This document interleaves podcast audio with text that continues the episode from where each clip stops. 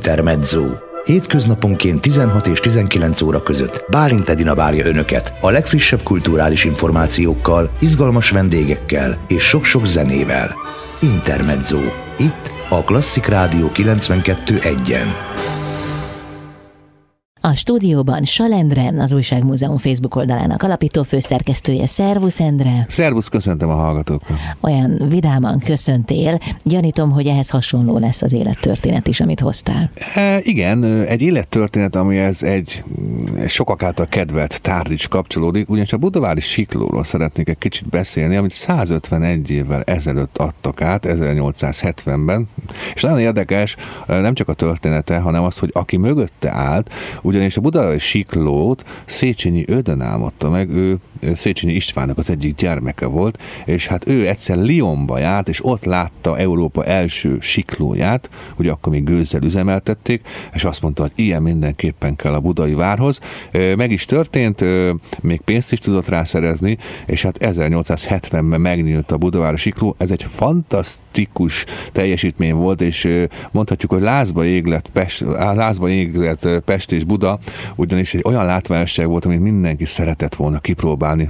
Persze voltak ellenzői is, de azt följegyezték a statisztikák például, hogy 1870-ben május 1 és május 15-e között 48 ezer utasa volt a budavári siklónak, és később, pár hónappal később a Szent István ünnepen még többen látogattak el. Nagyon nagy siker lett a budavári sikló, és olyannyira nagy siker lett, hogy aztán Széchenyi Ödönt Konstantinápolyból kérték föl, hogy ott is építsen egy siklót, elvállalta, ki is ment, és hát ő pasai, pasa rangot kapott aztán később Törökországba, és hát azt is tudjuk, ugye ő nem csak siklókat épített, vagy álmodott meg, hanem mellette a tűzoltóságot is megteremtette itthon is, és Törökországban is. Konstantinápolyban milyen siklót épített? Mennyiben hasonlította ahhoz, ami itt van nálunk? Hát hasonló, hasonló. Azt nem tudom, hogy jelen pillanatban megvan-e az a sikló, Aha. de szerencsére a magyar az megvan. Aha. Bár ugye azt is tudjuk, hogy a második világháborúban teljesen tönkrement, és hát ugye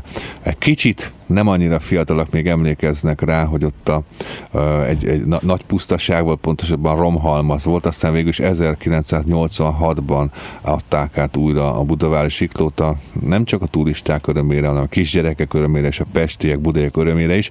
Csak abba gondoljunk bele, hogy 1869-ig a budai várba fölmenni egy kínszenvedés volt, hiszen csak gyalogszerrel lehetett megmászni a hegyet. Gondoljuk végig, akkor már ment a német színház a várba, színészeknek át kellett valahogy evickélniük a Dunán, ugye volt Pontonhíd, meg akkor már megvolt az a Lánchíd, és utána pedig föl kellett menni a hegyre, és nem három perc volt fölérni, tehát ez a sikló, amellett, hogy egy látványosság volt, hát jó szolgálatot is tett. Endre, milyen finoman fogalmaztál, mikor azt mondtad, hogy a nem annyira fiatalok emlékezhetnek rá. Ezt úgy szokták mondani, hogy akik régebb a fiatalok. A gősikló nagy látványosság volt, várható volt, hogy a tolvajoknak a terepe is lesz. A korabeli újságok is megírták, hogy egy ügyvéd, miután végzett a munkájával a várba, beszállt a gősiklóba, és szépen elegánsan leereszkedett. A kupéban viszont egy jól öltözött fátyolos hölgy állt mellette, és hát ne az se furcsálta igazán, hogy a hölgy hozzá simult, sőt, hát mondhatni azt, hogy még jól is, neki, jól is esett neki, nem bánt annyira. Később viszont már nagyon bánta, ugyanis amikor Pesten megérkezett a lakásához, akkor is, amikor rágyújtott a szivarjára, akkor vette észre, hogy a pénztárcája hiányzik, tehát kiderült, hogy a hölgynek ez a fajta szenvedélyessége azért nem volt annyira természetes, de egyébként még a gőzsikról azt is lehet tudni, sajnos ez nem annyira vidám, hogy még miatt átadták, akkor egy kisgyerek megsérült, ugyanis bemászott az építkezésre, de hát szerencsére végül is túlélte, tehát nem lett belőle tragédia.